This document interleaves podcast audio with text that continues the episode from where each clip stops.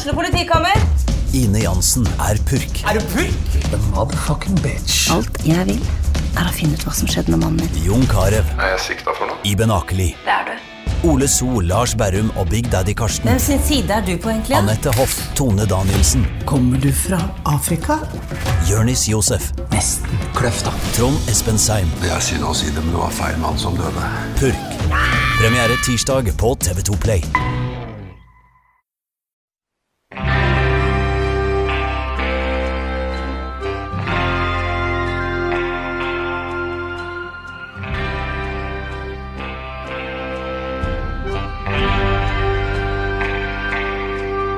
Dette har jeg gleda meg veldig veldig til. Det er Red Dead Redemption 2 Spoilercast. Mitt navn er Rune Fjell Olsen, og jeg har to stykken med meg. Det er ikke så lett å finne folk som ikke går og loker rundt i kapittel 2 i Red Dead Redemption 2, men jeg har med meg to stykken som i likhet med meg har fullført historien eh, og loker rundt etterpå. Eh, Jon Cato Lorentzen, du anmeldte jo Red Dead Redemption 2 til lansering, faktisk, i Aftenposten. Ja, ja, ja.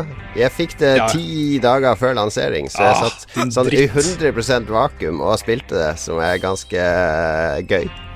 Ja, kult. Kan ta et sitat fra den anmeldelsen. Det er fra konklusjonen din. Reisen til Arthur Morgan gjennom USAs villmark og landets gryende sivilisasjon er en av de rikeste fortellingene, uansett medie, du kommer til å oppleve i år. Damn right. Sterke ord. Du ga det seks av seks. Du, Niklas Halvorsen, du ga det ti av ti hos oss denne uka. Du fikk det ikke før lansering. Fikk du det ti dager før lansering? Ja, det er ekkelt å høre på, altså. Fy. Ti dager, du jo det stemmer det. stemmer det. Jeg må bare si til lyttere som er dårlige i matte, at ti av ti og seks av seks det er like høye karakterer. Ja, det er ikke sånn at Nick likte det bedre enn meg hvis du er dårlig i matte. Altså. Nei. Eh, men du sier jo blant annet da, eh, i anmeldelsen din, eh, Niklas Det beste open world-spillet noensinne tar over tronen fra Red Dead Redemption 1. Ja, and I meant it. Ja, jeg er jo helt enig med dere begge to. Jeg har jo eh, eh, fullført spillet, og til og med starta på min gjennomspilling nummer to.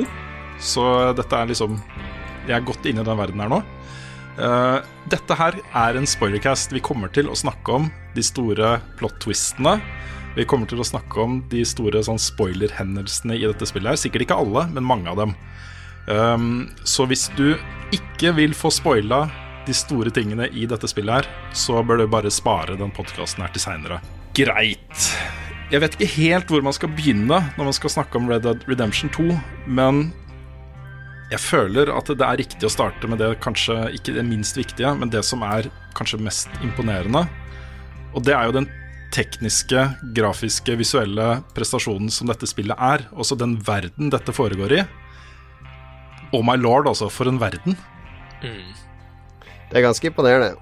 Altså, og, også for, for meg og, og der, Rune. Jeg vet ikke med deg, Nick, men vi, vi er jo veldig tilbake på PC, i hvert fall jeg for øyeblikket nå. Jeg pusher Destiny 2 i 140 frames og sånne ting. Og, og det å gå tilbake til å spille PlayStation, for det har ikke jeg spilt nesten i hele år. Det var litt sånn åh, skal jeg, skal jeg finne meg i sånn dårlig konsollgrafikk igjen? Men det er jo helt vanvittig mye de har fått til med, med lys og, og skygger og effekter og tåke og shadere og sånne ting. Ja, det er sånn Døgnet går jo her hele tiden. Det er jo et uh, vær- og døgnsyklus som bare går og går og går hele tiden. Eh, jeg så en oversikt over, eh, over eh, den syklusen, og det er ikke alle timene i døgnet som er like lange. Det er forskjell. det er noen av timene som er lengre enn de andre. Jeg tror de korter ned tida litt på natta. Ja. Men mange av de flotteste øyeblikkene er jo når du kommer inn i full tåke midt på natta. Du ser liksom lyset som kommer, skinner gjennom fra månen, ikke sant, gjennom Ja, ja. tåken. Det, det er så mange sånne øyeblikk, da. Eller du kommer fra sol til kraftig regnvær, eller opp på fjellet hvor det er snø, og det er liksom Det er noen enormt dramatiske overganger, og de, nesten underbygger litt av tematikken og sånn i spillet òg, ikke sant. Denne overgangen mellom gammel og ny eh, sivilisasjon og villmark. Og, og de har klart å få til de overgangene i været òg, som jeg syns er veldig imponerende. Men akkurat det med natta, det tok sånn ti timer før jeg opplevde natta i spillet. For vanligvis i sånn åpen verdensspill med døgnsyklus, så hater jeg å spille om natta. Blir det alltid så mørkt, og så må du finne fram lampe eller noe sånt. I Witcher og sånn, det verste jeg vet, er å gå rundt Ja. om natta. Så jeg, liksom bare alltid gikk og la meg når det var natt i spillet, eller satt opp en camp når det var kveld. Så det var liksom ti timer første gang jeg så Oi, det er jo ganske Jeg ser jo masse, og det er jo fantastisk flott måneskinn, og det, det var en vekker for meg. Mm, Jeg er helt enig med deg med natta at eh, hvis jeg får oftest muligheten til The Open World, så pleier jeg å sove gjennom det, liksom. Og det bare skjedde de første timene at jeg skulle ut og jakte bjørn midt på natta, liksom. Og det Hva de gjør med lyset. Det går mellom trærne. Jeg liker også det, at det liksom kan være mørkt, at jeg kan ta opp liksom lykta, og det blir så fin atmosfære av det og sånn. Mm. Mm. Det er jo mange av eventene i dette spillet her også som foregår på natta. Um, det er jo da du møter Ku Klux Klan, f.eks. Ja. Um, det er også uh, Det, er, det her syns jeg er litt fett, fordi det er liksom så mange små ting som ender opp med å bli ganske store, som du kan oppdage i dette spillet her. Og en av de tingene du kan finne i en gruve, er jo en hodelykt. som gjør at du kan dual-wielde pistoler og samtidig ha lys på natta, ikke sant? Ja, ja, Men ja. den, det må du leite etter, da. Den må du leite skikkelig etter, for den er ikke, det er ikke noen markers eller noen ting, liksom, for å finne den. Så, Yes. ja. Den har ikke jeg funnet. Nei, ikke jeg heller, jeg bare så det på Reddit. Men det er et spill sånn det, eh, som Jeg vet ikke om det, om det er et spill som er gøy å spille med guide. Tror du guiden har med alle disse småtingene som du kan finne rundt omkring og oppdage? Jeg vet ikke. Det er liksom sånn, nå, nå som jeg er på min andre gjennomspilling da, Jeg pleier å ha en litt sånn policy på, på akkurat det, at jeg ikke vil bruke guides første gjennomspilling. Men andre så bruker jeg det litt for å liksom få noen hint da om hvor det er eh, kule ting å oppleve som jeg ikke har opplevd i spillet allerede. Men da er det mer sånn at jeg googler spesifikke ting. Som f.eks. eksempel hva slags øh, øh, våpen er det mulig å finne, øh, sånne ting. da Ja. Men det er ikke sånn eh, Jeg er litt nysgjerrig på det med andre gjennomspilling òg. Er det sånn at uh, Er det mye sånn foreshadowing i dialogen som du nikker litt sånn anerkjenner til nå? Og ja, det, det, de ordene kommer han til å spise i seg, eller er det Hvordan er det, Det lagt er opp der? så crazy bra, akkurat den biten der, i andre gjennomspilling. Ting som man bare De gikk liksom inn i ene øret og ut det andre første gang man spilte gjennom. Jeg tenkte ikke på det. Det betyr jo at andre gang jeg spiller gjennom, så får jeg jevnlig liksom sånne øyeblikk hvor jeg bare Oh my lord, lord, dette er så kult, fordi jeg vet jo hva som kommer til å skje, ikke sant? Ja, ja, For eksempel altså, er det en sekvens eh, når du kommer til den første campen, eh, den Horseshoe Overlook. Ganske tidlig der så går jeg forbi eh, lederen for den gjengen der, Dutch, og så sier han plutselig bare You're going to betray me. Og så bare sånn stopper jeg opp, bare What? What? jeg bare Du har den auraen, liksom. Du har det, det ved deg. eh, at eh, du kommer til å gjøre det, liksom. Mm. Det er, liksom, bare- det er så kult, da. Og for eksempel, den, det er et oppdrag du gjør ganske tidlig, hvor du henter en gjeld eh, Ja. foran Leo, Leo Strauss, eh, hvor en av de er veldig syk og hoster på deg. Og det er jo det som gjør da Ja, ja, ja. Det er der du blir syk, ikke sant? Ja, ja, ja. Tuberkulosen. Masse. Mm. Og ikke minst er det flere av de rollefigurene også som reisen deres legger jeg mer merke til da, gjennom spillet, eh, andre gjennomspilling. Først og fremst Sadie Adler. Den reisen hun tar fra å bli liksom redda av gjengen helt, helt, helt i starten, til å bli en sånn badass gunslinging, dritkul eh, rollefigur. da. Mm. Uh, den går veldig gradvis, så du legger mer, mye mer merke til den når du vet hvor hun ender opp. Det er Så jo det er en veldig masse av det. studie jeg liker å linke til på Facebook når jeg skal Når jeg er litt i trollolol-karakteren min, eh, som viser at folk setter mer pris på medieinnhold når de vet hvor det ender. Altså at Mm. spoilere gjør at du kan sette mer pris på alle aspektene ved en historie enn når du ikke vet hvor du skal. Ja. Det, det er litt sånn både òg, for jeg sier i anmeldelsen at eh, jeg koste meg veldig mye med den historien, for jeg hadde litt informasjon på forhånd, ikke sant? Mm. Av uh, Hvis det er noen karakterer som ikke dukker opp i det første spillet, så kan det godt være fordi de ikke overlever det andre. Sånne ting som det. Mm. Men uh, jeg uh, Og så merka jeg også det at flere av favorittøyeblikkene mine er jo fordi jeg har spilt det forrige spillet. Mm. For eksempel fisketuren med Jack, ikke sant? Da Agent Milton og Ross dukker opp. For det er Mm. også mye hinting til hva som kommer til å skje videre i spill nummer to, men også seinere i spill nummer én, ikke sant? Det... Det, Mm. Det er også en sekvens uh, i uh, Saint-Denis Eh, Er det sånn man uttaler det? New Eh, Orleans hvor, eh, på folkemunne. Ikke sant. Hvor du eh, Det er en quest-rekke som ender opp med at du skal hjelpe en nonne uh, med noe. Ja. Det er den samme nonna som du møter i et av historieoppdragene i Red Dead Redemption 1. For hun Ja, sier er det Ja, det? er det. Jepp. Okay. Hun, hun sier at uh, hun skal reise sørover, liksom. Um, og heter det samme. Så uh, det, er det er samme nonna, liksom. Sånne Men det er jo eh, Nå går vi ut fra ja, altså Alle som hører det her, har jo sikkert nesten runda det, eller runda det. Men eh, vi ender jo opp i Red Dead Redemption 1, da. Altså i starten der. Jeg tenker jo at en naturlig videreføring her er jo en DLC med en remaster av Red Dead Redemption 1. Altså, de har hele kartet der. De har alle Uh, all motion capture-dataen er sikkert tatt vare på, all dialog er tatt vare på. Det er ikke en så enorm jobb å, å putte det spillet ut som en DLC til 25 dollar eller noe sånt i våre, så at ok, nå kan du få lov å spille Du har kanskje spilt det før, men nå kan du få gjenspille det i, i uh, 4K osv. Det var den første tanken som slo meg også, da vi kom til liksom Armadillo og alle de gamle områdene man kjenner fra Red Dead Redemption 1. Bare sånn Red Dead Redemption 1 remaster, bare gjør det, liksom. Eller he kanskje helst en remake, da, med de nye systemene og, eh, og sånt. At man kjenner igjen at det blir en ren videreføring fra det vi har opplevd nå i Red Dead, Red Dead Redemption 2. Skal gjøre det samme som i din anmeldelse, jeg nikker og bare kalle det Red Dead 2. Ja. Selv om uh, det bare slår en strek over hele Red Dead Revolver. Gjør det så mye lettere, vet du. Ja, ikke sant? Nei, men det jeg, jeg forventer Og folk har jo glitcha inn i Mexico um, Ja. i dette spillet, så det ligger jo ting der, liksom. Som, Vanligvis eh, så pleier man vel å glitche ut av Mexico, er det ikke sånn? Det er, ifølge Donald Trump. Ja, ikke sant. Greit. Men jeg tenker at vi eh, runder av litt den sånn verdenssnakken eh, med en ting som jeg også tenkte. Det er jo at den engine de har her, bare bruk den til alt. For du har jo hele spekteret. Fra ørken til storbyer og eh, alle typer vegetasjon og alt mulig rart. Um, bare, bare bruk den igjen. Eh, GTA 6. Ja, det er veldig imponerende. Altså, de kjører jo inhouse engine. Det er jo ikke så mange eh, software-selskaper som gjør det nå. Du har EA har Frostbite og noe som går på tvers, kryss og tvers i spillene. Uh, og så har du Unreal Engine, som mange, mange bruker, ikke bare Epic.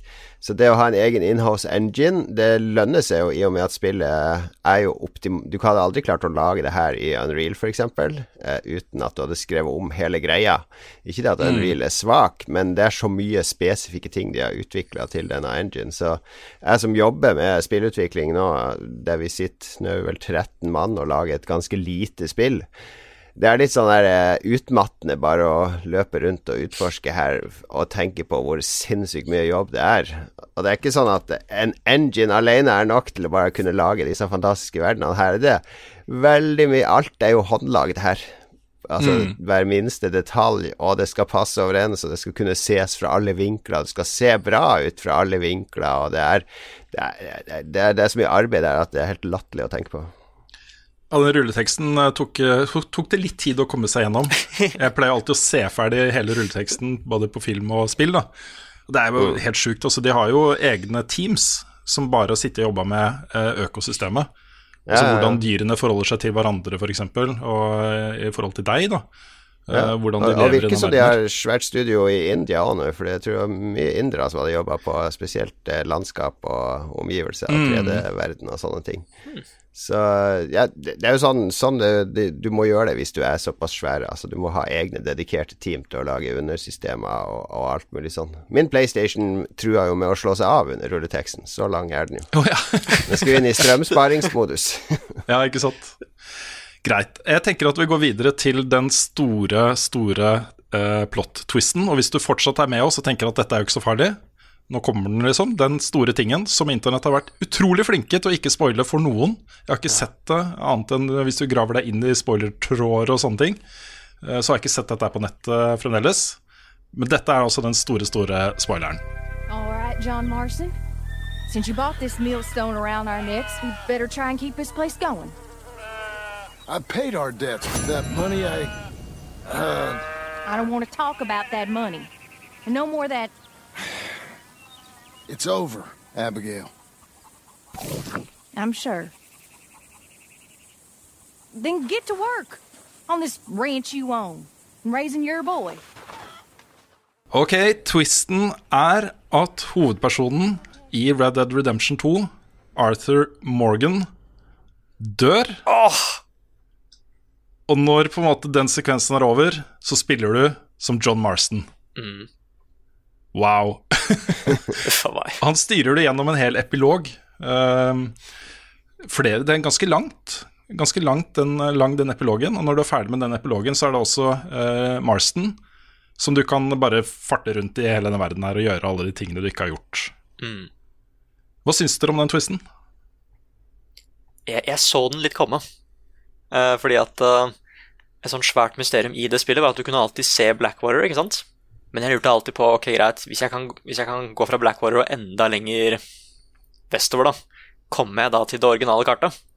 Og hvis det da blir åpent på slutten, hvem er jeg da skal utforske det med? For det går jo ikke med Arthur hvis han er eh, wanted dead or alive. Og når han da Mm. fikk den tuberkulosen, så tenkte jeg at ja, ok, da er det mest sannsynlig enten et lite timeskip, eller at eh, Marston er den jeg kommer til å styre senere. For da kan de fint flette det inn til neste spiller, liksom. Jeg sendte deg en melding på Messenger, eh, Nick. Ja, ja, Hvor det var, jeg så også den komme. Mm. Det var liksom eh, Han ble jo sykere og sykere, Arthur Morgan. Ja. Jeg tenkte liksom at uh, uh, Samtidig så ble jo John Marston mer og mer viktig for han. da Også Marston ble jo hans motivasjon for å finish the job, liksom. Fullføre hans redemption, ikke sant. Ble å redde Marston og kona hans og sønnen hans, ikke sant. Yeah. Um, og når du da vet uh, Jeg hadde også vært innom den delen av kartet og ble umiddelbart skutt i filler. Og så De kom fra ingen sted så bare skjøt meg, så jeg tenkte ok, jeg skal ikke være her ennå, men når skal jeg være der, da? Mhm. Så måtte jeg være her etterpå, ikke sant. Så jeg så den også komme, men jeg, jeg, jeg satt og fistpumpa, altså, når jeg satt på den vogna som John Marston ja. etter uh, hele den sekvensen med, med uh, Arthur. Hva syns du, Jon Cato? Ja, nei, altså, jeg, jeg skjønte jo at det gikk mot en tragisk slutt for han. Altså, det var også disse drømmesekvensene med denne hjorten eller uh, bukken eller hva det er for noe, uh, med gevir. Jeg er ikke så god med dyr, men uh, du har disse veldig drømmeaktige sekvensene, disse veldig filmatiske som er typisk for når folk skal dø, så ser de et eller annet sånn sjeledyr eh, i drømmene sine, ikke sant, som skal lede de til de evige jaktmarker, eller noe sånt. Så jeg begynte jo å skjønne det da, men spesielt etter det legebesøket var det jo en lang sånn drømmesekvens i St. Denise der han får diagnosen, at han kommer ikke til å overleve dette. Eh, men jeg, jeg gikk jo lenge og trodde at kanskje vi skulle få uh, bli hun der uh, Sadie. Eh, Mm. At hun liksom skulle bære arven videre, eller uh, uh, finne en eller annen Hun har jo vært gjennom ganske mye og gått fra eh, uskyldig kone til offer til badass, uh, litt gal, uh, psykopatisk våpendame. At kanskje vi skulle hun skulle dra ned der og starte et nytt liv, eller noe sånt. At vi ikke skulle være så direkte connection inn til Red Dead Redemption igjen. Men uh, det funka kjempebra, sånn som det gjorde nå. Jeg tenkte også å si de, fordi det er så mange som kritiserer Rockstar. Å, nå skal vi få en kvinnelig helt. At de kanskje skulle gi sånn her Se her, nå kommer hun på slutten, vær så god. Men Mm. nei, det ble John. Det er to ting eh, til det du sa nå, Jon Cato. Det ene er at det her vet jeg ikke om stemmer, men jeg har eh, eh, lest noe hint om det på, på Reddit. Folk som i de drømmesekvensene så ser de ikke et, en, et rådyr eller en hjort, de ser en ulv. Ja, Og jeg tror det har sammenheng med eh, om hvor god du er da på den skalaen, ikke sant? Ja, Hvor- Ja, ja. Jeg har så maksa den jo ut under min gjennomspilling, så jeg burde jo se Samme masse her. engler som står og synger og Ikke sant? Ja. Ja, nei, for jeg, jeg tror det, da. Hvis du, er, hvis du bare ikke bryr deg om den i det hele tatt, så er det en ulv du ser, da. Ja, ja, ja, ja, det Eh, stemmer helt sikkert.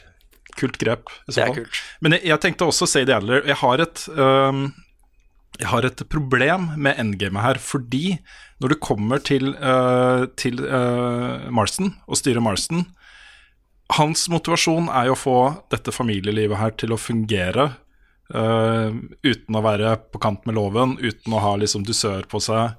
Eh, han skal bare sant, eh, forsørge for familien sin, eh, connecte med sønnen sin, ha et bra forhold til kona si. Det er hans motivasjon. I hvert fall så var det det jeg følte da, var viktig for han. ikke sant? Så jeg skulle egentlig mye heller ha spilt en gæren Sadie Adler i endgamet. Eh, Hvor jeg ikke tenkte på at jeg rana banker og drepte folk og sånt, men bare gikk rundt og gjorde alle de crazy tingene. Ja, det kanskje skulle vært en sånn der eh, mulighet til å switche mellom de to.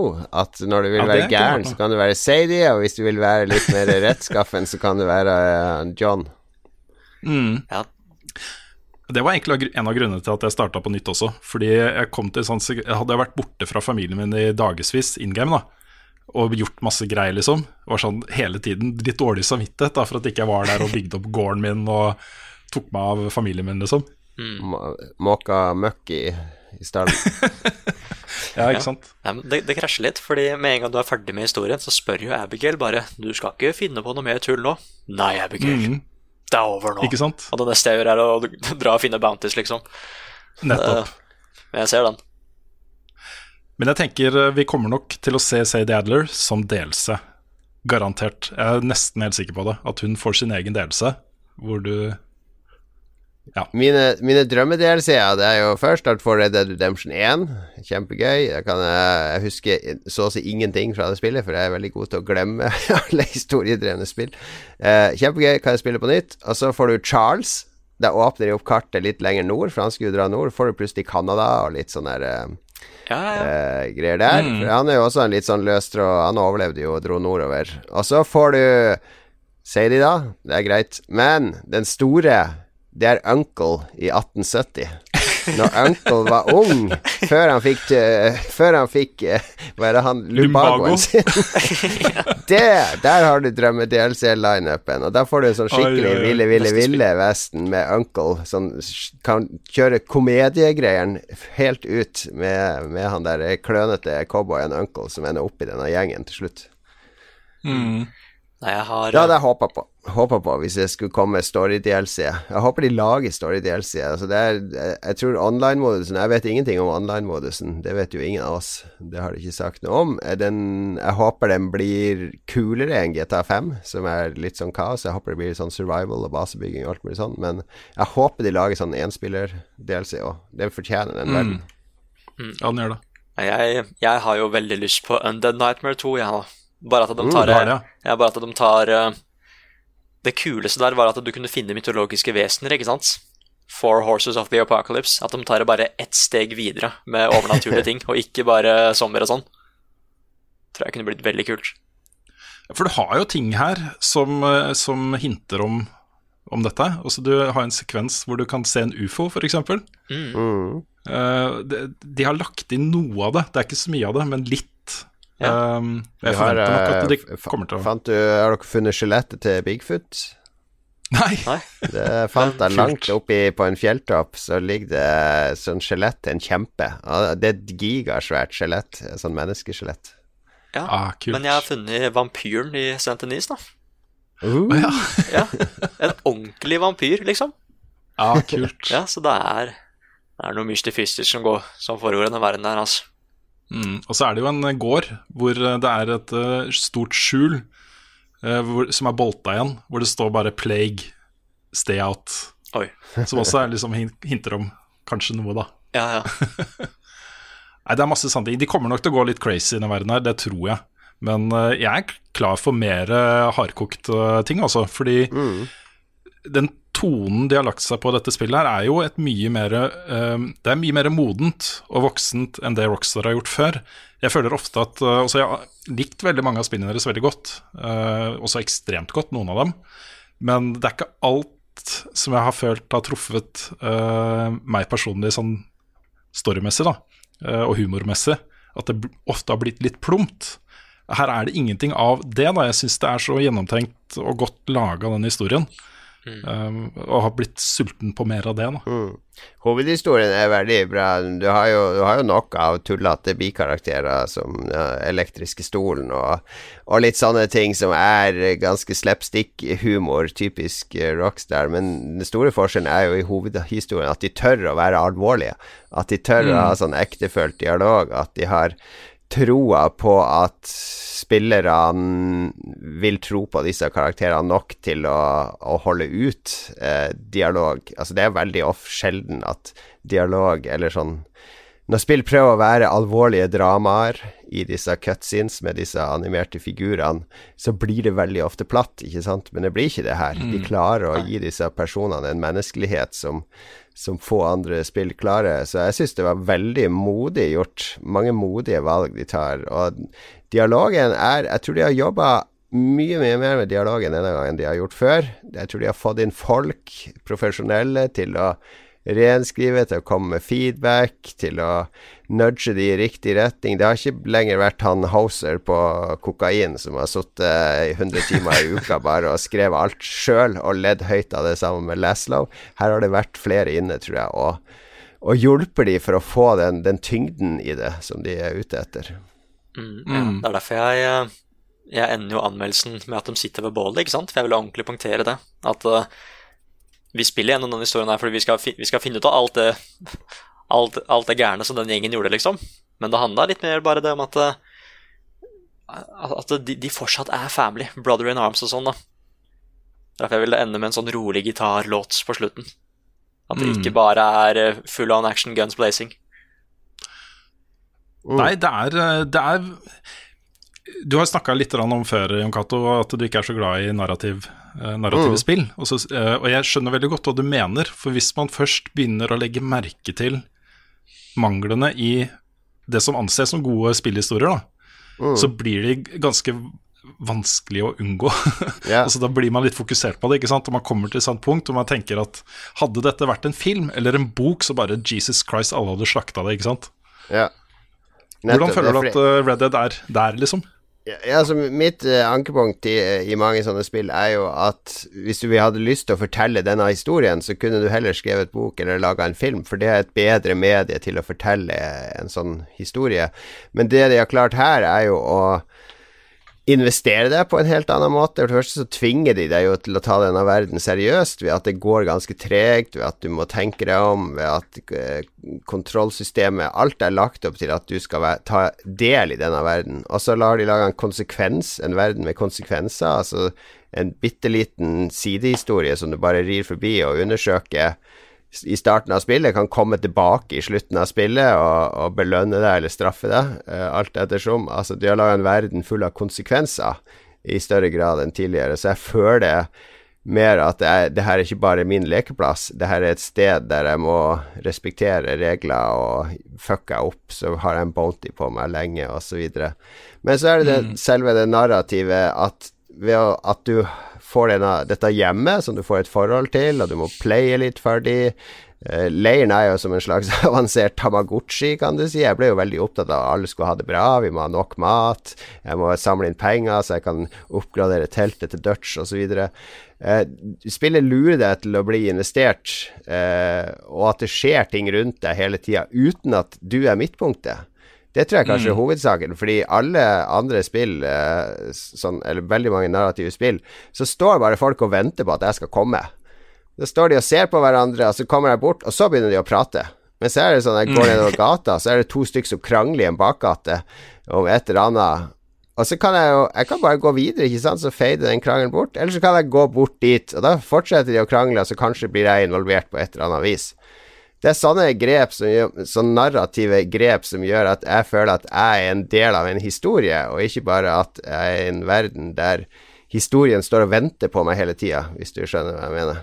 Så, mm. så, så det er liksom Hele måten de forteller ting på Altså Selve hovedmissionene er veldig sånn tradisjonelle Rockstar ofte. Det er jo ok, da går jeg bort, og så starter jeg oppdraget, så er det skal vi ri og snakke i fem minutter, og så skal vi skyte, og så skal vi løpe litt, og så skal vi skyte, og så er det tilbake til leiren. Akkurat de er ikke så morsomme. Det morsomme er alt det som skjer imellom de. Det er da liksom jeg blir involvert, og det er da historien på en måte går videre for meg. Når vi, når vi rundt leirbålet debrifer etter oppdraget, ikke sant. Går det bra med deg, med den kula du fikk i beinet, hele den greia der, ikke sant. Mm. Så, så, det er mye mer ramme rundt uh, fortellinga enn det har vært før. Så jeg syns det, det er jo det Altså, folk snakker om at Rockstar lever i fortida, det utdaterte kontrollsystemet og ditt og datt, men måten de forteller historier på her, har ikke blitt gjort i spill tidligere. Altså, det er det som er den nye lista. Det nytter ikke å servere et spill nå i 2019, et åpen verdensspill, der folk står med et stort spørsmålstegn over hodet og venter på det for at de skal Mm. levere deg en eller annen fetch quest. Du må lage Kravet nå er at spillverden må være levende, og at du må tro på livet i den verden. Mm.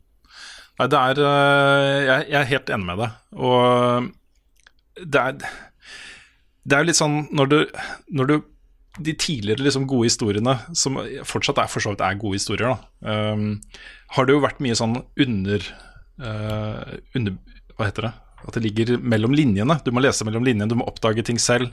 Eh, Du må liksom gjøre research på ting, og så oppdager du via via hva som egentlig er bakgrunnshistorien til forskjellige rollefigurer og sånne ting, har jeg alltid ment har vært på en måte de beste historiene. Hvor ikke Mm. det blir fortalt rett ut, men det ligger der. Portal, f.eks. Det er jo ikke så mye narrativ i det spillet, men utrolig mye historie. Hvis du bare liksom begynner å sette det i kontekst, ikke sant. Men her har de klart å kombinere, føler jeg, da, en uh, fortalt historie, som det blir fortalt liksom, via dialog og cutscenes og sånne ting, med den derre Den historien er god fordi jeg oppdager den på egen hånd. Ja, den personlige historien. Mm. Jeg syns det har vært veldig bra. Og så syns jeg det er interessant og vellykka at det går så ille med folk.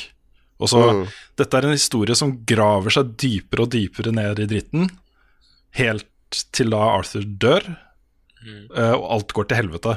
Og sentralt i det er jo uh, Dutch, Vandelin, sjefen for gjengen, som jo er en farsfigur for eh, nesten alle som er i den gjengen. Han har liksom vært med det i mange år, og særlig Arthur og eh, John og en del av de andre har jo vært der siden de var unge, eh, unge menn, liksom. ungdommer. Som tydeligvis Det skjer noe med han, også med virkelighetsoppfattelsen hans av liksom hans drømmer for den gjengen her, da, for de andre og for seg selv. Han innser ikke liksom realitetene i eh, det moderne amerikanske samfunnet og eh, tar liksom gjengen stadig dypere ned i dritten, på en måte.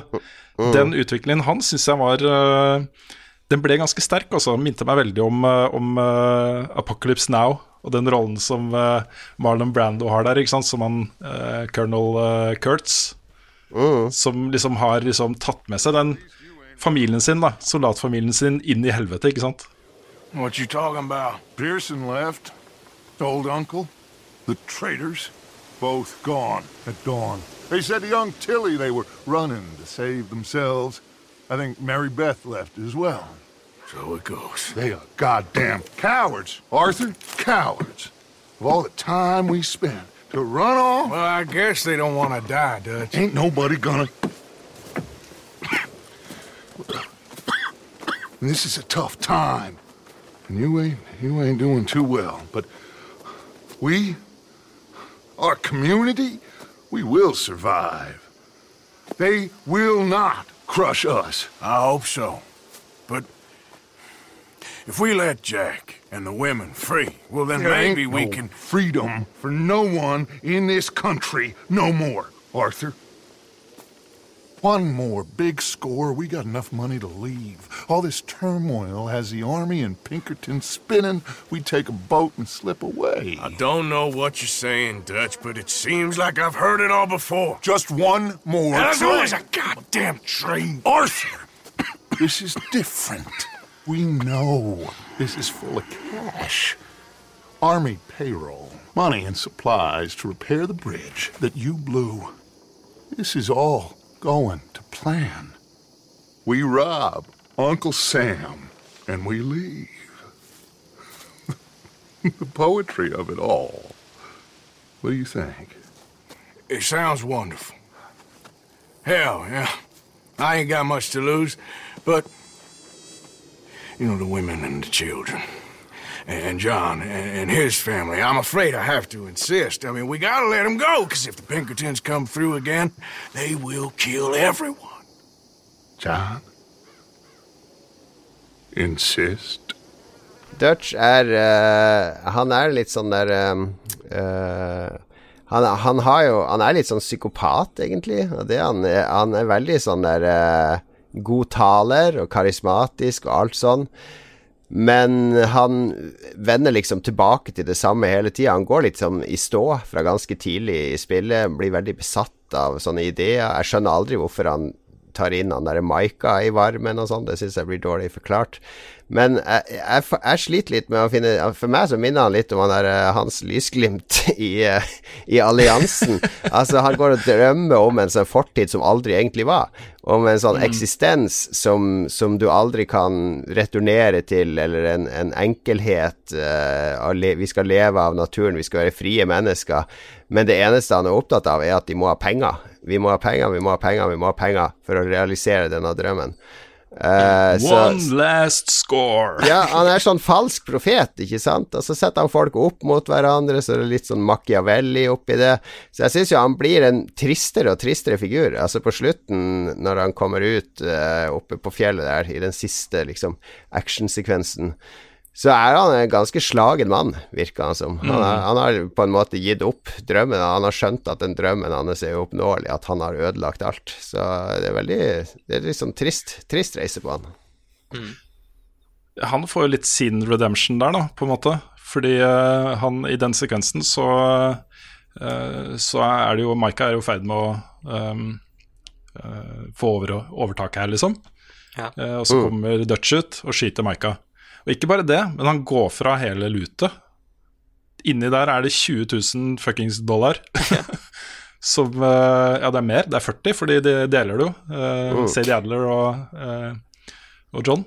Ja. Så, uh, så han på en måte Jeg føler det er litt sånn hans forsøk på redemption, men han er, som du sier, Jon Cato, en slagen mann der, altså. Han er mm. liksom hele hans livs Ja, altså hele spillet han jakter etter de pengene, så har endelig fått det. Så sitter jo på en, en, en liten tømme, sånn utedass oppe på fjellet der og, dri, og fryser i hjel med 40 000 dollar. Det er, det, er, eh, det er, et eller annet fundamentalt som har eh, blitt ødelagt i Dutch, eh, og det skjer ganske tidlig i spillet. Ja, mm. men jeg husker at jeg var litt skuffa over over starten, for det skjer jo rett etter det der svære ranet i Blackwater, ikke sant? Mm. Og i Red Dead 1 så er det et sånt litt sånn stort mysterium på hvorfor det, hva, Hvilket øyeblikk var det da John innså at han ikke kunne være med i Dutchess Gang? At han begynte å få tvil på det, ikke sant? Og da nevner han det at uh, han så Dutch skyte en, uh, en jente i det ranet. Mm. Og derfor lurte jeg liksom på at uh, hvorfor får vi ikke med det store øyeblikket, hvis det er det vendepunktet der hvor Dutch begynner å bli litt gæren, da? Men så nevner de det med at han Arthur er ikke til stede i det ranet. Og det er jo derfor John er den første som begynner å tvile på Dutch, siden han så jo det. Men det gjør jo ikke Arthur, og Arthur er jo litt i denial på hva som egentlig har skjedd der, for han var jo faktisk ikke til stede da. Mm. Ja, John mm, forteller vel det i en dialog, at han så det. Ja, ja, ja. Mm. Så, så da, da, var ikke det problem lenger. Og da var jeg bare enda mer spent på hva som egentlig skulle til for at den gjengen til slutt uh, går under, da. For den karakteren som han er på starten, det er absolutt ikke den han er i Red Dead 1. Da skyter han sivile left and right og ja. Det var spennende.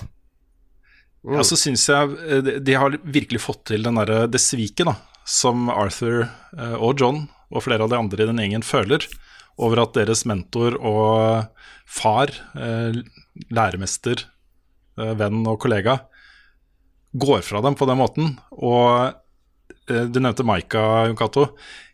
Jeg tenker sånn at altså, I og med at han har endret seg. da Han har begynt å tenke annerledes og blitt mer sånn gal, eller sånn besatt mm. på den der drømmen som, som er en sånn enhjørning, på en måte. Så søker han jo støtte hos de som støtter den drømmen hans, ikke sant. Og Maika mm. er jo den legemgjørelsen av den siden av han, ikke sant. Mm. Som, Ma eh, Mike er, er de der uh, nettrollene som støtter opp om disse gærningene, som vil ha det sånn som det var før i tida. Mm. Ja, det blir litt sånn. Ja. Jeg, det tar jo så lang tid òg, liksom. Det strekkes ut over så lang tid, så jeg hadde liksom ikke vondt, men vondt inni meg. da Det, det gjorde litt vondt å se uh, hvordan det gikk ja, med disse folka. Det siste, siste kapitlet før Marsen dør, er ganske Det er ganske slitsomt å spille. For det, det er ikke sånn morsomt heller. Altså, det er ikke noe det var litt ork for meg å spille det, for jeg så jo hvor det her gikk henne. Jeg ville jo gjerne se den slutten, med åssen det gikk med han og sånn. Men det var ikke noe glede å returnere til leiren. Jeg liksom grua meg til å komme tilbake til leiren. Hva er det som har skjedd nå? Hvem er det som de kjefter på nå? Altså Mm. ja, Nå sa du Marston. Jeg bare nevner at du mente uh, Arthur. Ja, Arthur, Arthur Morgan. Ja. Eh, ikke sånn Jeg, jeg gruer meg litt Før så var det sånn jeg gleda meg til å komme tilbake til leiren med de her kaninene og, og kalkunkjøttet og de greiene her. Å, jeg gleder meg, det blir koselig. Sånn. Nå var det bare sånn åh, orker jeg å fære opp dit igjen? Er det Jeg har ikke noe tilhørighet lenger. Det var, det var det er veldig effektivt hvordan spillet Spillet virkelig klarer å, å, å vekke disse følelsene i meg. Eh, Kan jeg si en liten kul detalj der, på åssen liksom random encounters og sånn? Mm. Og det er at eh, hvis du er eh, Hvis du er liksom klar til å gjøre et sånt svært historieoppdrag, for de bygger jo alltid ting til forskjell, jo til forskjellige ran og sånn. Hvis du da bruker lang tid på å returnere til campen, så sender de ut en av medlemmene i Dutchess Gang for å hente deg. Det er Javier, ikke sant? Ja, Eller er det først- andre også? Uh, for meg så var det Charles. Ja, ok. Ja, og det skjedde flere ganger. Det var bare ja, 'Du er en vanskelig mann å finne. Har ikke du lyst til å returnere til campen?' liksom. Det er sånne ting som det der, da. Men uh, det skjedde ikke på slutten. Da var det Nei. ingen som brukte tid å sende, til å finne meg, da. Nei, nei, nei. Mm. Og det er sånne småting som det der. Mm. Jeg, jeg syns også den retningen som historien tar, da, eh, særlig fra liksom midtveis i kapittel fem og utover, den, den gjorde meg mindre interessert i å spille det som et open world-spill, og mer interessert i å bare bli ferdig med historien. Fordi eh, Før det så hadde jeg brukt litt tid da på å kjøpe kule klær til Arthur og en ny hest og fare litt rundt og jakte på legendary dyr og sånne ting. Men han var, ikke noe interessert, for han var jo så sjuk, og han så så sjukelig ut, liksom, i ansiktet, dratt i ansiktet. Ja, ja. Um, jeg hadde ikke gitt han nok mat i tillegg, da, så han var jo underernært, ikke sant. Og han hosta hele tiden, og jeg så hvor det gikk, liksom. Da klarte ikke jeg å kose meg med liksom valgfrie sideoppdrag og sånne ting, altså. Eh, Skal ut og fasse, fange verdens største torsk. Ja, men det er liksom Det, det er jo på en måte et uh, All honnør til Rockstar for det, altså. At jeg klarte å leve meg såpass mye inn i dette her at jeg ikke fikk noe glede ut, ut av å gå og leke med en rollefigur med, som, som jeg visste hadde en tragisk skjebne, ikke sant? Mm. Så, så jeg bestemte meg på et punkt der til å bare fullføre historien. Uh, og da hadde jeg fått med meg at det var mulig å uh, gå tilbake og gjøre ting i endgame, liksom. Um, men det beste, det beste nå for meg er jo Nå er jo Arthur frisk, frisk, ikke sant? Jeg er i kapittel to, jeg har nesten ikke gjort noen oppdrag ennå. Ja. Bare fly rundt og gjør alle de kule tingene som Arthur. Jeg syns det er en så kul opplevelse. Ja. Nei, jeg gjør det litt med, med Marston, og jeg, kone og barn kan være hjemme. Det går helt greit, det. Jeg vet jo at vi kommer til å krangle masse i Red Dead Redemption 1, så jeg kan like godt ha det gøy fram til da. men men det, er mange, det er mange ting som jeg vegrer meg for å oppsøke, som jeg ikke har gjort ennå. Og det, det er litt sånn fordi jeg føler meg så investert i det. For eksempel hun der enka, og helt oppe nordøst. Hun som mista mannen sin og bor alene der oppe, som, eh, som han eh, Arthur lærte å jakte og sånne ting. Jeg har ikke Ja, ja. tort å dra opp dit for å se åssen det går med henne, for det er jo noen år etter, ikke sant. Om hun Mm. har hun blitt drept, er huset brent ned av en eller annen gjeng, finner et skjelett der av hun Jeg har så lyst til at hun skal leve og ha det bra der oppe, ikke sant. Så jeg liksom vegrer meg for å dra opp dit som John Marston, for å sjekke om huset hennes fortsatt står, og om, om hun er i live, osv. Better not be no stupid revenge mission, Dutch. It ain't worth it. Don't be ridiculous. Oh, Arthur, it's just a simple social call. Vi har jo vært eh, en del innom det tidligere i denne episoden også, men eh, jeg tenkte å gå litt gjennom noen sånn favoritthendelser fra dette spillet. Og da tenker jeg ikke på historien, men vi har snakka mye om sånn ting som bare dukker opp i verden, eh, helt tilfeldig, eh, og som du kan risikere å bare gå forbi hvis ikke du stopper opp. Så jeg tenkte å gå litt gjennom om dere også har noen uh, favoritter der, da, noen hendelser i spillet som dere husker spesielt godt. Kanskje Nick skal få begynne? Ja, uh, det aller første jeg kom på nå, er at jeg Jeg husker ikke nøyaktig hvor jeg var på kartet, men jeg var på en strand. Og da så jeg at det var et lik som var skylt opp der. Så da går jeg og bare sjekker litt, og det er en sånn liten båt som er ødelagt òg. Skal lute litt av kista som er der. Men når jeg skal lute han karen, så våkner han til live igjen. Oi. Ja, og han våkner til live, og da sier Morgan bare I thought you were dead, friend. Og det som skjer da, er at han sier at eh, Han sier at eh, jeg, jeg prøvde så godt jeg kunne, darling, og så dør han. Og når du luter en lapp fra han da, så finner du ut at det er, det er kjæresten til Bonnie McLaren i Red Dead 1. da. Oh, ja. Ja. For hun sier alltid at hun hadde problemer med menn, og dette var en av grunnene. En av grunnene da. Og han bare forsvant. Og Kult. hvis jeg skal ta en annen, men det er jo også som du kanskje er, og det er å temme den derre Arabian, den hvite hesten. Åh, for en opplevelse det var, ass. Ja, fordi det, det jeg originalt skulle, er at jeg skulle nordover for å jakte på grizzlies. Det var det jeg skulle. Mm. Men uh, mens jeg liksom da er helt på toppen, så ser jeg at det bare er en hest som driver og løper i snøstormen helt aleine, ikke sant? Og da ble liksom det oppdraget om å få den tilbake igjen, da. Og det skjedde så mye crazy shit på veien at jeg møtte sånn ulvegjeng. Jeg møtte på flere som hadde lyst til å rane meg. Det var til og med en som sa at det er en veldig fin hest du har der. Eller har du Mm. lyst til å kanskje gi den bort? Og det skjedde så veldig mye på veien ned til at jeg skulle få den hesten til stallen. da. Og da husker jeg veldig godt øyeblikket hvor jeg faktisk kom meg til et sånt rolig sted og har både hesten min og den nye hvite hesten ved siden av hverandre, da. Og bare slapper av litt før jeg tar den siste etappen ned til byen igjen. Jeg lagde så å si min egen story der, da. Mm. Det var Ja, jeg også gjorde kult. det. Jeg tok av, eh, ikke sant? Jeg tok eh, etter å endelig klart å temme den eh, hesten. Og det er en lang prosess, altså. Kasta meg mange ganger. Brukte lang tid på å få den til å stole på meg og være relativt rolig. Ikke sant? Parkerer ved siden av den gamle hesten min. tar av den salen. Tar av den Jeg har også drept av en legendary bison, den hvite uh, bison-oksa som er der oppe. Jeg tar av den, legger alt over på nyhesten min, og bare tar, velger eh, um, escape, eller jeg husker ikke hva det heter. Du trykker runding, så stikker hesten av. Ja. så ser jeg den bare løper over åskammen der, ikke sant, og blir borte. Så setter jeg den på hesten min og rir bortover, og der står jo det gamle hesten min. Jeg må ri rett forbi den, ikke sant. bare sorry, ha det. jeg vurderte å faktisk skyte den, men eh, jeg gjorde ikke det, da. Ja. Jeg hadde eh, jeg, jeg spilte det jo lenge før release, da, så det var ikke noe sånn uh, internett-spoilers eller steder å få hjelp, eller famla litt Eller måtte jo finne ut av alt sjøl, da. Det er jo et spill med ganske komplekse systemer og konsekvenser og sånne ting. Så noe som skjedde tidlig, var jo det der, du skulle jakte på den legendariske bjørn sammen med han eh, Hosaya. Eh, og jeg tok jo han og bjørnefellen, og så rett rundt hjørnet, opp ved det vannet der, så er det, var det en dame som hadde falt av hesten. Hesten hadde daua og lå under hesten og ba om hjelp. Og om jeg kunne ri henne tilbake til det der Ansburg, er det ikke det det heter, der helt nordøst, den gruvebyen. Ja. Altså, bare, åh, det er jo dritlangt. Jeg, jeg hadde jo så vidt åpna noe av kartet. Da, ikke sant? Jeg hadde jo bare Valentine og de fjellene der nord. Uh, så øh, jeg har en sånn svær bjørnefell her. sånn legendarisk bjørnefell.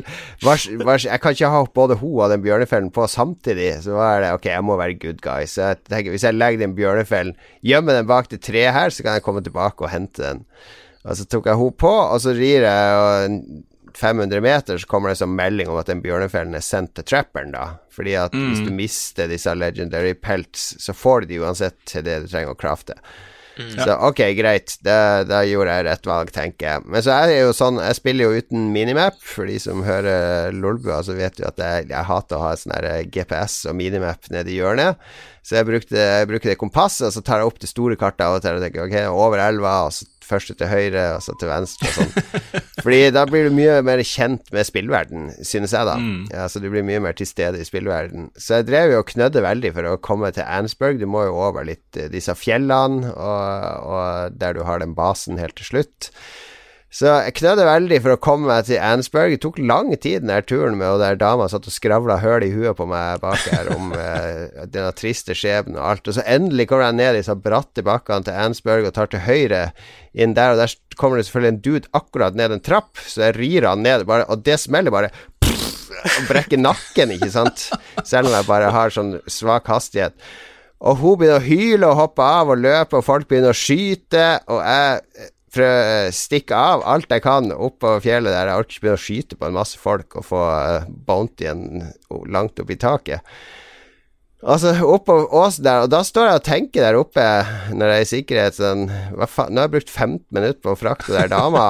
Um, jeg, vet, har jeg, har jeg fucka opp en skikkelig svær sidestory nå?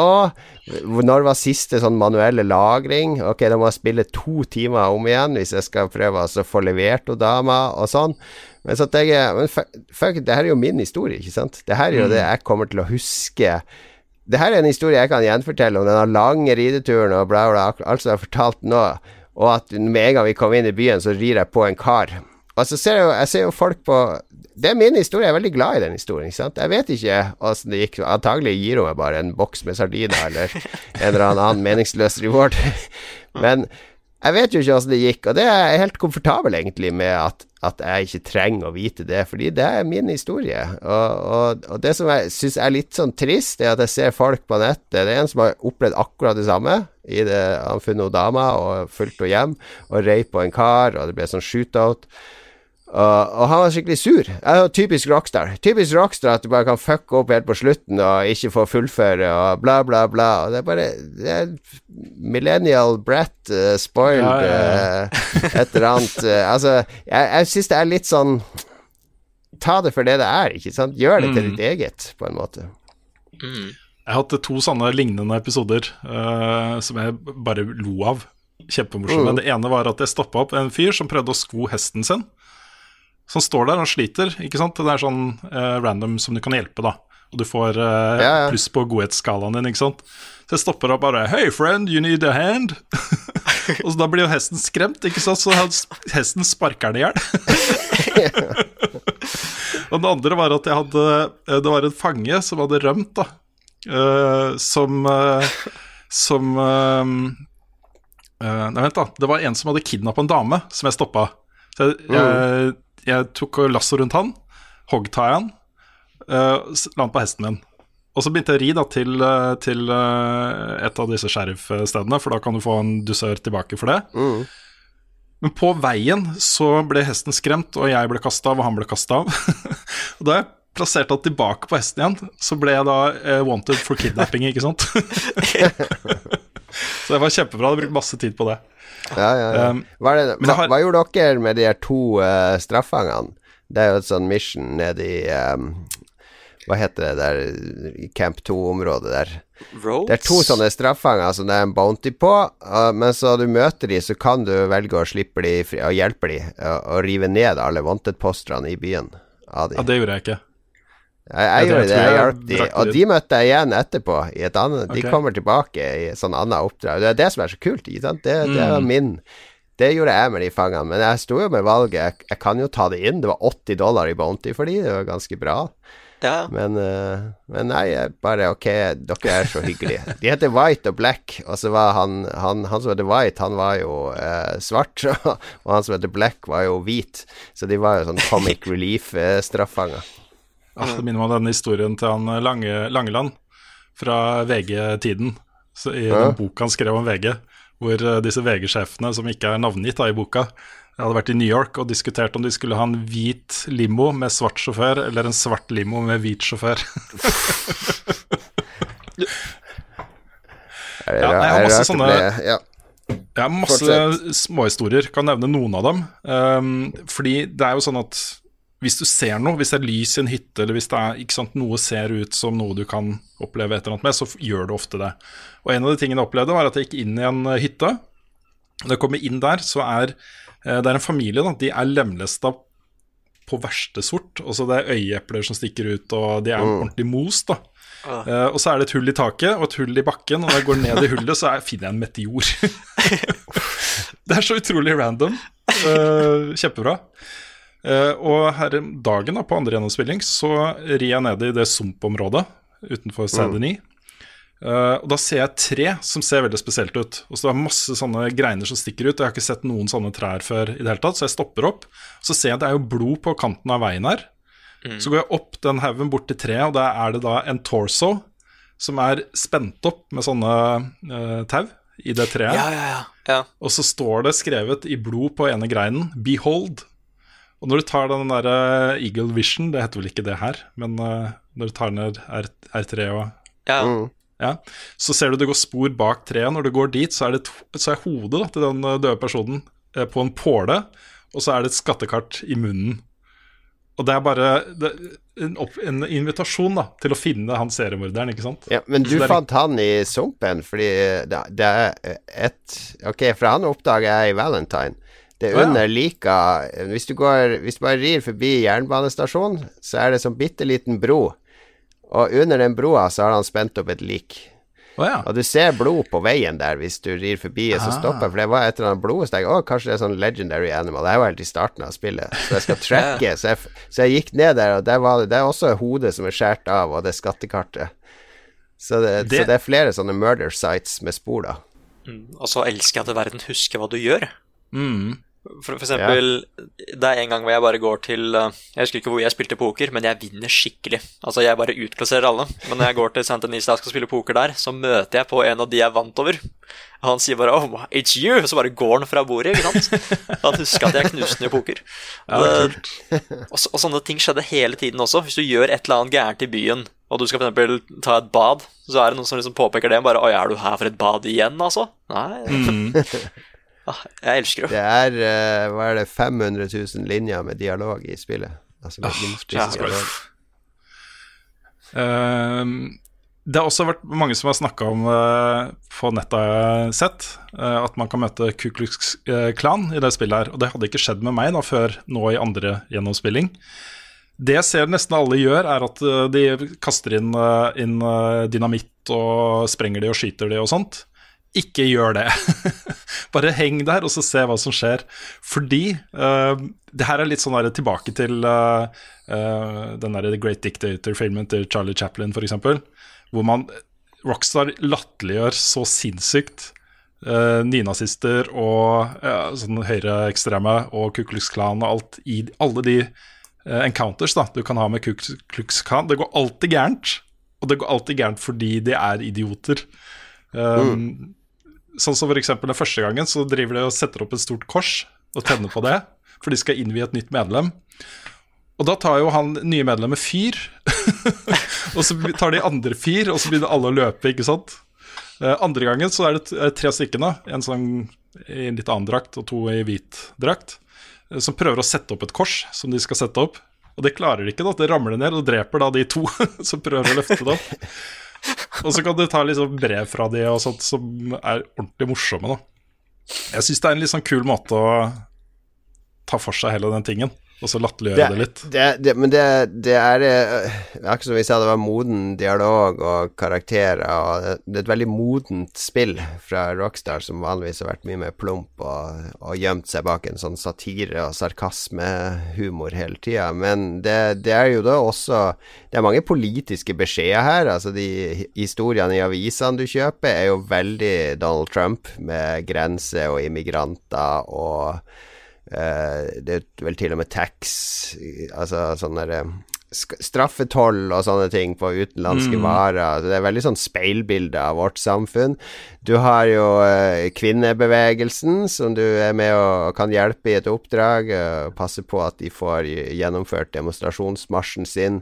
Det er masse sånne relevante temaer til vår egen tid, som, som er eh, som som jo er en av styrkene til western. Det er jo det jeg tror folk liker med westernsjangeren, er at det er en sånn forenkla versjon av problemstillinga fra vår egen tid, der kanskje familie og og overlevelse og sånn Du kan fremheve det på en helt annen måte enn du kan i, i moderne Hvis filmen skal foregå i moderne tid. Men det er fortsatt like relevant, de problemstillingene. Det er en følge av historiske hendelser, altså historiske tidsperioder, har mye til felles med, med science fiction. Også Mm. at man, eh, man eh, er i et helt annet samfunn med helt andre regler, og det er en helt annen tid. Men det er, det er leksjoner der, på en måte. Det er ting vi kan lære av det som foregår i disse samfunnene, som er relevante for oss. Og akkurat den tidsperioden, den derre siviliseringen av USA, da, er jo veldig interessant og veldig relevant i dag. Også der du kan trekke direkte røde tråder fra det som skjedde i den prosessen, til hvordan ting er der i dag, ikke sant? Mm. Og det er en spennende periode, altså. Det, det er en veldig god artikkel på Eurogamer, den tror jeg kom i denne uka, om hvordan, hvordan spillet presenterer amerikansk historie, da. Altså det, det, Og det her blir en større debatt enn vi kan ta her, men det er jo noen sånne historikere som påpeker at alle disse filmene om andre verdenskrig og, og hendelser fra andre verdenskrig, eller andre historiske greier Folk har begynt å tro at filmene representerer det som faktisk skjedde, eh, framfor gjenfortellingen og og det det er, en viss sånn fare her, fordi vi, vi, vi oppfatter en generasjon nå som tar all sin informasjon fra visuelle gjenskapelser av historien. Så, men det går litt utenfor det vi skal debattere her. Men jeg syns det er interessant å dokumentere Altså, det er jo ikke virkeligheten. Det er jo ikke ekte stedsnavn. Det er Rockstar sin versjon av Ville Vesten. Uh, og det er en interessant take på det. Altså, det er, det er en fantasi, spillet, men det har røtter i virkeligheten. Mm.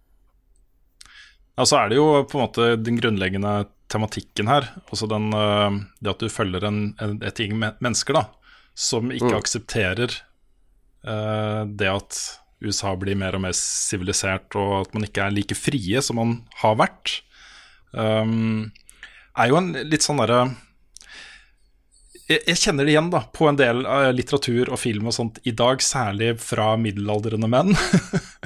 den der, uh, også Hel ved og Knausgård og uh, den derre lengselen etter et, et liv og et samfunn uten de der faste strukturene som alle mm. liksom blir litt slaver av. da. Dette er på en måte en, en veldig sånn spesifikk ting som går på det, tenker jeg da. Og det også er en del av tiltrekningskraftene som westernspill har. Mm. Det at du får muligheten til å tre inn da, i et samfunn hvor du skaper din egen hverdag og ditt eget liv, uh, mm. på en måte. Mm. Og så syns jeg også at det er litt gøy, fordi det er jo så mange som snakker om, uh, inkludert meg selv, det der med at spill har blitt voksne og er for voksne mennesker, og det er en veldig voksen historie i dette spillet og i mange andre spill. Uh, mens du har liksom mange folk som bare er sånn Nei, spill er bare leketøy. Så er det jo litt interessant at et av de mest modne og interessante spillene i nyere tid handler om å, også cowboyer, som vi lekte da vi var barn. ikke sant? For det var den samme tingen Da, da føler jeg da mye av gleden i Red Dead Redemption-spillene handler om det. Den derre uh, Samfunnet er ikke etablert ennå. Du er ute i ødemarka, mm. du rir rundt og er din egen herre, ikke sant. Mm. Uh, det var mye av gleden den gang, og det er det fortsatt. For det er fortsatt på en måte den samme leken vi gjør, da. Mm. Det er vel uh, hvis, en ting jeg var litt bekymra for når jeg begynte å spille, det var hvor Tarantino eh, Rockstar kom til å prøve å være. For jeg var Jeg er ikke noe sånn veldig stor fan av, eh, av eh, Tarantino bruker jo eh, altså N-ordet veldig mye, ikke sant? Det er ganske hardbarka dialog. Det er litt sånn edgy. Og, og der ble jeg veldig positivt overraska over at Rockstar prøver ikke å være noe edgy i dialogen sånn sett. Det er en del scener her som handler litt om rase. Du har jo selvfølgelig de innfødte eh, indianerne som blir fratatt landet sitt pga. oljebaronene skal inn og konflikter sånn sett, men det, det, er presentert ganske stuerent. Altså, det er ikke sånn hardbarka, sånn som når Tarantino og behandler Ville Vesten, så er det så røft at det, det er nesten vondt å se på. Uh, kanskje de Jeg føler at de holder litt igjen her. At, at de mm. kanskje egentlig Jeg tror at de har moderert seg litt underveis her. Uh, hva, hva, tenker dere? Jeg tror du har litt rett i det. Jeg, jeg er uh, Dette er jo folk Mange av de som har jobbet med dette spillet, har jo vært i Rockstar i mange år og blitt eldre. Og jeg, jeg, ser det samme i en del andre studier, hvor uh, du har folk som har jobba uh, med spillutvikling i veldig mange år, nå begynner å få en lyst til å fortelle mer modne historier for et mm. mer voksen publikum. Um. Jeg tror det har prega utviklingen av dette spillet også. Mm. Ja, for har, I, i GTA-spillene så har de jo vært veldig edgy med, med sånn gangsterspråk og, og, svarte i slummen i, i, San Andreas og sånne ting. Og de har jo blitt litt kritisert for at her sitter en hvit engelsk mann og, og skriver de verste gangsterdialogen. Eh, at det er litt sånn der kulturappropriasjon, på en måte. Så det føles som de har liksom ikke behov for å bevise det seg på den måten lenger, som, som jeg syns er, er, positivt. Mm. Mm. Ja, så liker jeg veldig godt det med at uh, For eksempel hva du gjør med oppdraga. At det bare ikke skal være action-pack. da. Mm. At flere av favorittoppdragene mine bare handler om å ri rundt eller gå og shoppe eller noe sånt. Det syns jeg var Mm. veldig kult. Jeg var veldig sikker på at det bare, at det bare skulle være høydepunkt etter høydepunkt. ikke sant? Enten skulle vi ra- rane tog eller en vogn eller noe sånt. Men at det plutselig bare dukka opp oppdrag hvor jeg skulle være med noen og jakte. da. Mm. Bygge opp karakterene på den måten isteden. Mm. Ja, de rolige oppdragene er veldig flotte. Er det noe Det som skuffer meg mest i spillet, er kanskje når du forlater USA og drar til den der uh, tropiske øya med slavene og de greiene der. Det følte jeg ble veldig under eh, Det ble bare en bisetning, liksom. Jeg skjønner hva de ville oppnå, fordi ikke sant, det handler jo om hvordan industrisamfunnet gjør hele verden til slaver, og hvordan det konsumsamfunnet vi har, er avhengig av at vi utnytter folk i den tredje verden. Eh, men det budskapet kom Altså, det ble liksom en sånn apropos. Det, Mm. Det var bare Jeg ville bare komme meg vekk derifra så fort som mulig. Det var liksom ikke Jeg, jeg skjønte at her skal jeg bare være temporary. Mm. Ja, jeg er enig. Jeg, jeg, det var et uh, tungt oppdrag, men jeg, jeg ser det også litt i sammenheng med den, med den uh, nedadgående spiralen i gruppa. Og forholdet Mm. mellom Arthur og uh, Dutch. Um, på den øya der så får du en sekvens hvor Dutch Det er en gammel dame som hjelper deg gjennom en hule i fjellet. Mm. Og når de er ferdig med den sekvensen, så tar bare Dutch og dreper henne. Han tenker ikke på det engang, han bare gjør det. Og det var en sånn vendepunkt, eller i hvert fall den sånn siste spikeren i kiste, kista i forholdet mellom Dutch og Arthur, tenker jeg da. Så det var egentlig det jeg henta ut fra den sekvensen, var uh, den ok, her må liksom Arthur lage en exit-plan, og hans exit-plan var jo uh, å hjelpe John og Abigail og Jack, ikke sant? Mm. Så, så det var det jeg henta ut av det. Men det var et tungt oppdrag. Der var jeg litt tilbake til den Apocalypse Now-følelsen. At her er ting kjipt, altså. Her er ting skikkelig kjipt, og du skal føle det på kroppen. Eh, Mm. og det fortsetter jo når du kommer tilbake til eh, fastlandet, ikke sant. Greit. Jeg tenker vi eh, runder av med noen spørsmål, for det har også kommet inn, eh, kommet inn noen spørsmål. Arthur. How you doing? Nervous? But I've been nervous for a while. I had a lot of time to think in that jail, and feel like I just don't know Dutch no more. You ain't the only one. And this plan to get us out, it just feels. I don't know. Like he's stringing us along, I know. Ok, Disse spørsmålene her har kommet inn via Patron. Det var åpent eh, eksklusivt for Patron-backere å stille disse spørsmålene. Eh, Jeg kan ta et fra René Bjerknes, eh, som spør Hva har dere ikke fullført i Red Dead Redemption 2? Hva blir dere til å fullføre, og hva kommer dere ikke til å fullføre? Tenker da alt av sideting, collectibles og challenges. Uh, Jeg er litt sånn på Jeg har lyst til 100 av det spillet her nå, jeg. Ja, jeg har det selv.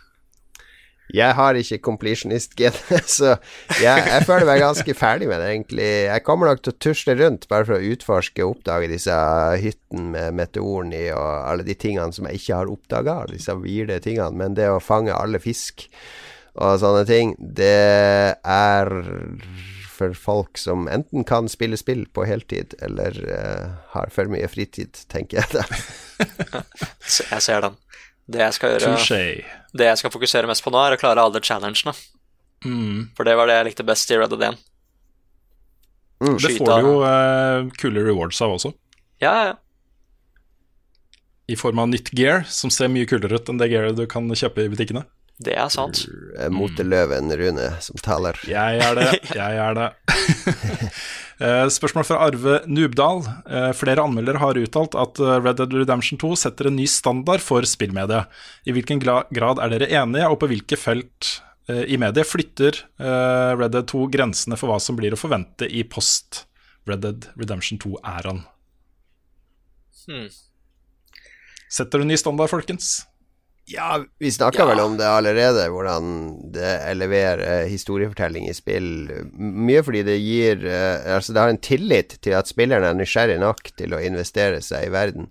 At det å bare starte en dialog eh, på sida av spilleren i vanligvis spill er så redd for at spilleren skal gå glipp av noe, så med en gang det er en dialog eller noe, så bare sånn Sånn, nå kan du bare sette deg tilbake og slappe av, så skal vi vise deg en cutscene. Mens her er det sånn her Det skjer noe veldig mange steder. Uh, hytter du kan oppdage, hus, små ting i naturen uh, som skjer i byene, osv.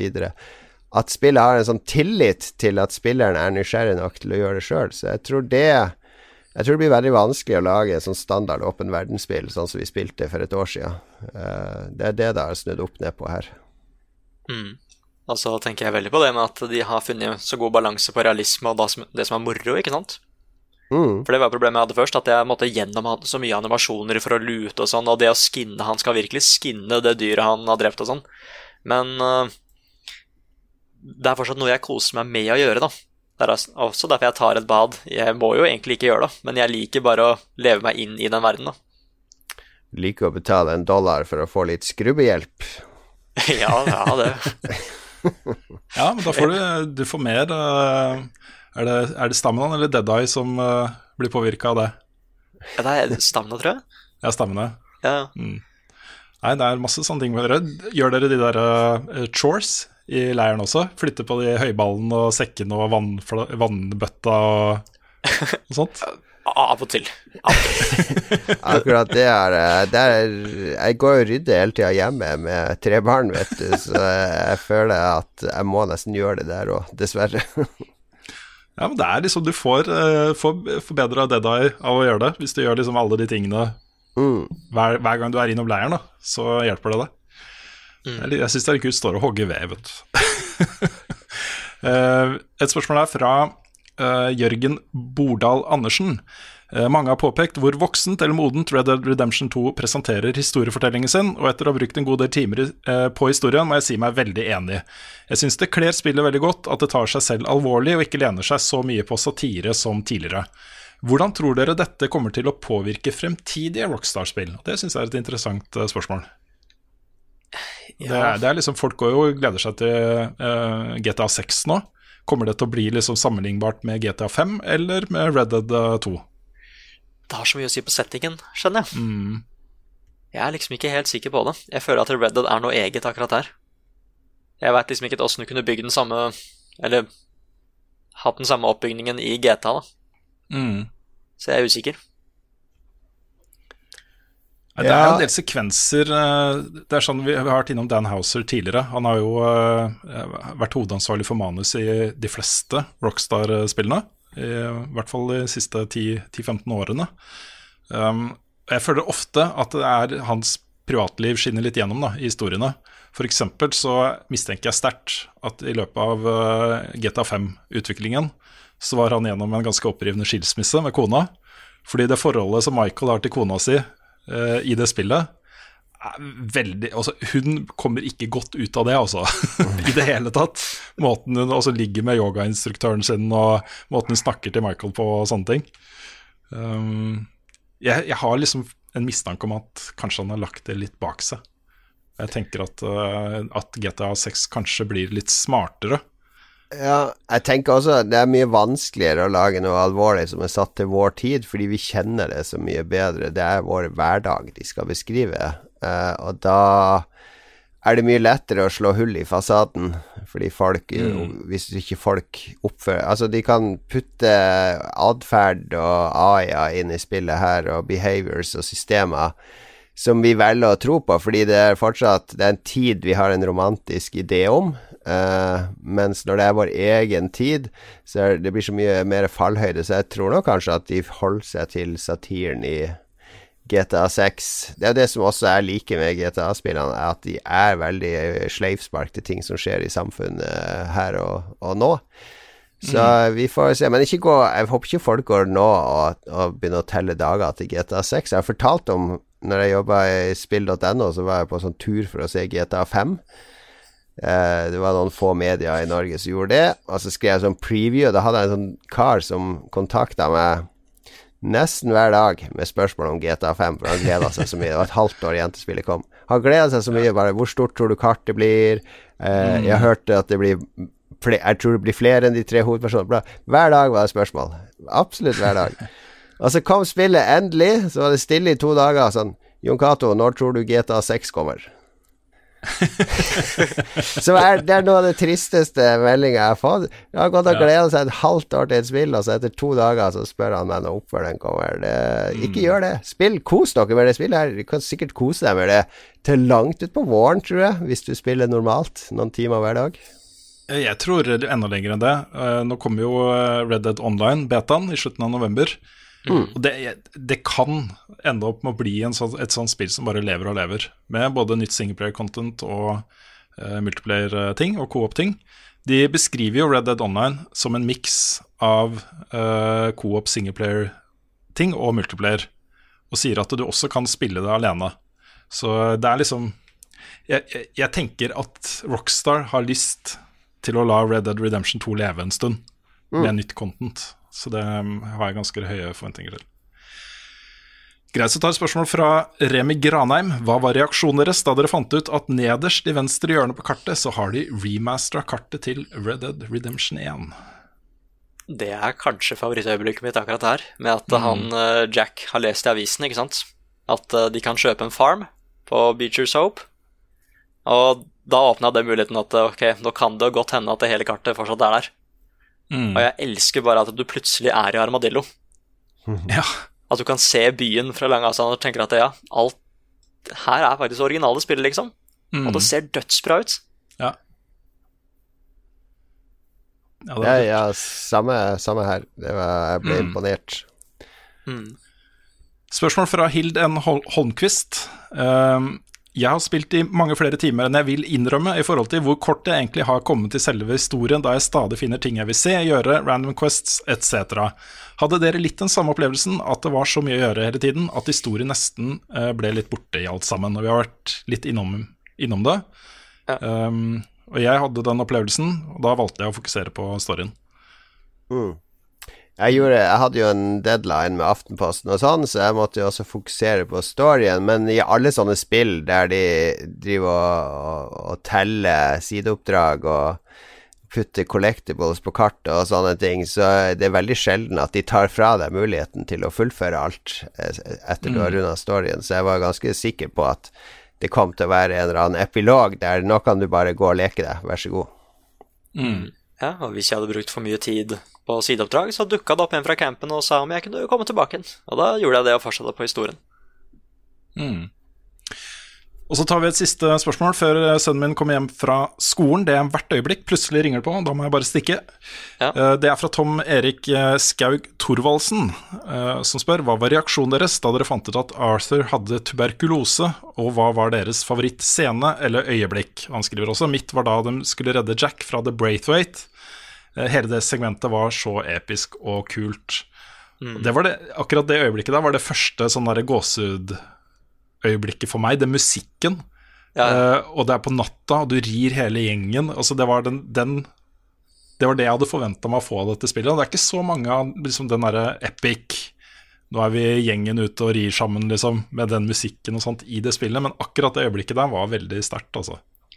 Ja, det, det er liksom fordi det store vendepunktet mitt, det jeg liksom var helt sikker på at det spillet skulle få ti av ti, var jo da han, da han fikk tuberkulose. Fordi jeg la veldig tidlig merke til at det var et eller annet gærent med han. For jeg fikk ikke, jeg fikk ikke like mye liv når jeg spiste eller dead eye eller når jeg slappa av og sånn. Og det sto også at jeg var alvorlig sjuk, da. Og at jeg Mm. gikk ned i vekt og sånne ting. Men det var fortsatt flere timer før jeg faktisk fant ut om tuberkulose, da. Så spillet hadde hinta til det hele tiden. Mm. Og jeg hadde liksom ikke helt eh, det, var veldig unikt for meg at de nesten ødela opplevelsen litt for å få fram poenget med sykdommen. da. Og folk begynte liksom å si det veldig tidlig, at det bare 'du ser litt sjuk ut'. Mm. Det er den influensaen som går, ikke sant? Hinta til det konstant, da. Og så fikk jeg til å tenke annerledes på karakteren, hva han hadde lyst til å gjøre nå og sånn. Mm. Hvis jeg var litt slem på starten, så var jeg ikke det lenger nå, da. Nå starta liksom Mm. min redemption arc.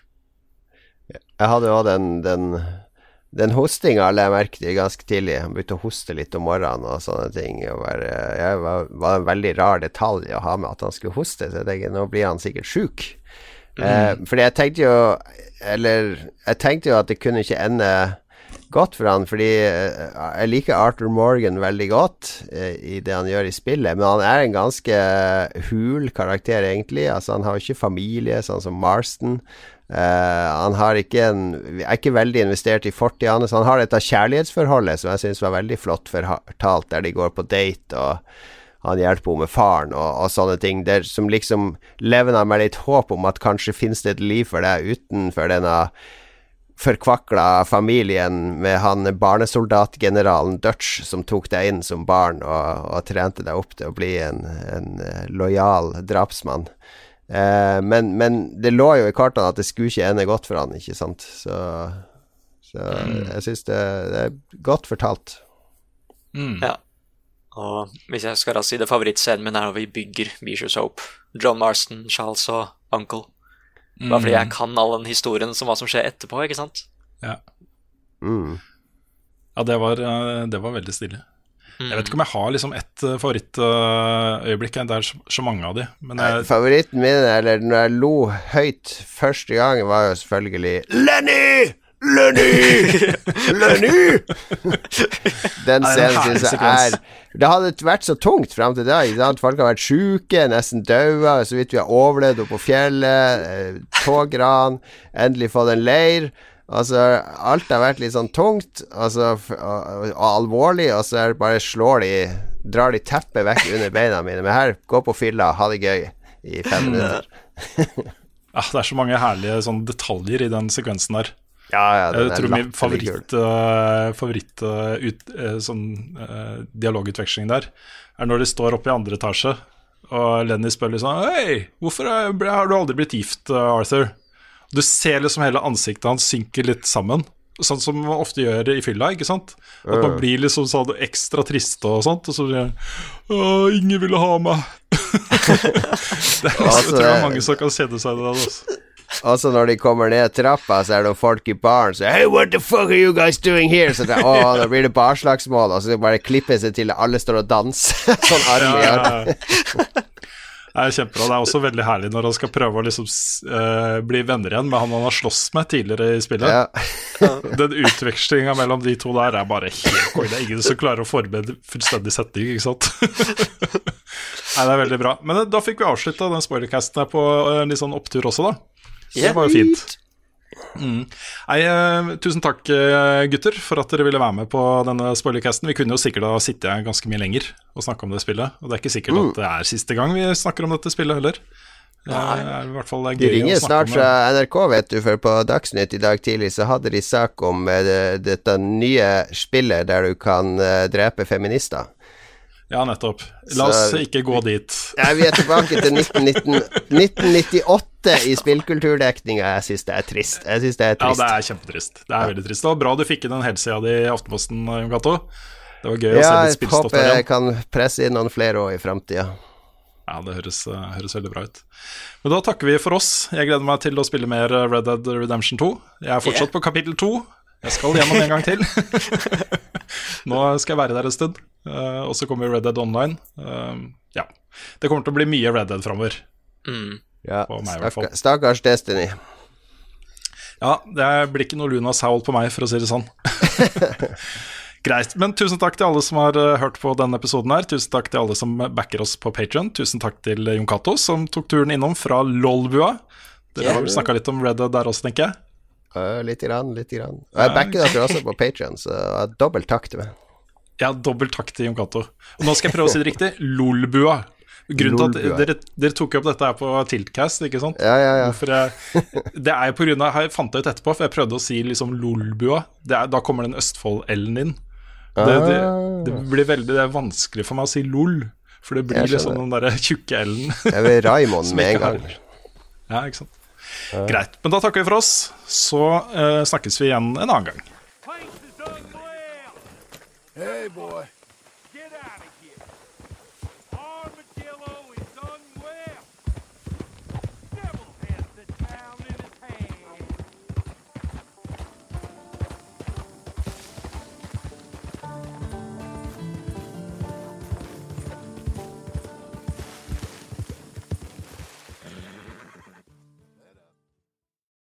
Har du et enkeltpersonforetak eller en liten bedrift? Da er du sikkert lei av å høre meg snakke om hvor enkelt det er med kvitteringer og bilag i fiken, så vi eh, gir oss her, vi. Fordi vi liker enkelt. Fiken superenkelt regnskap.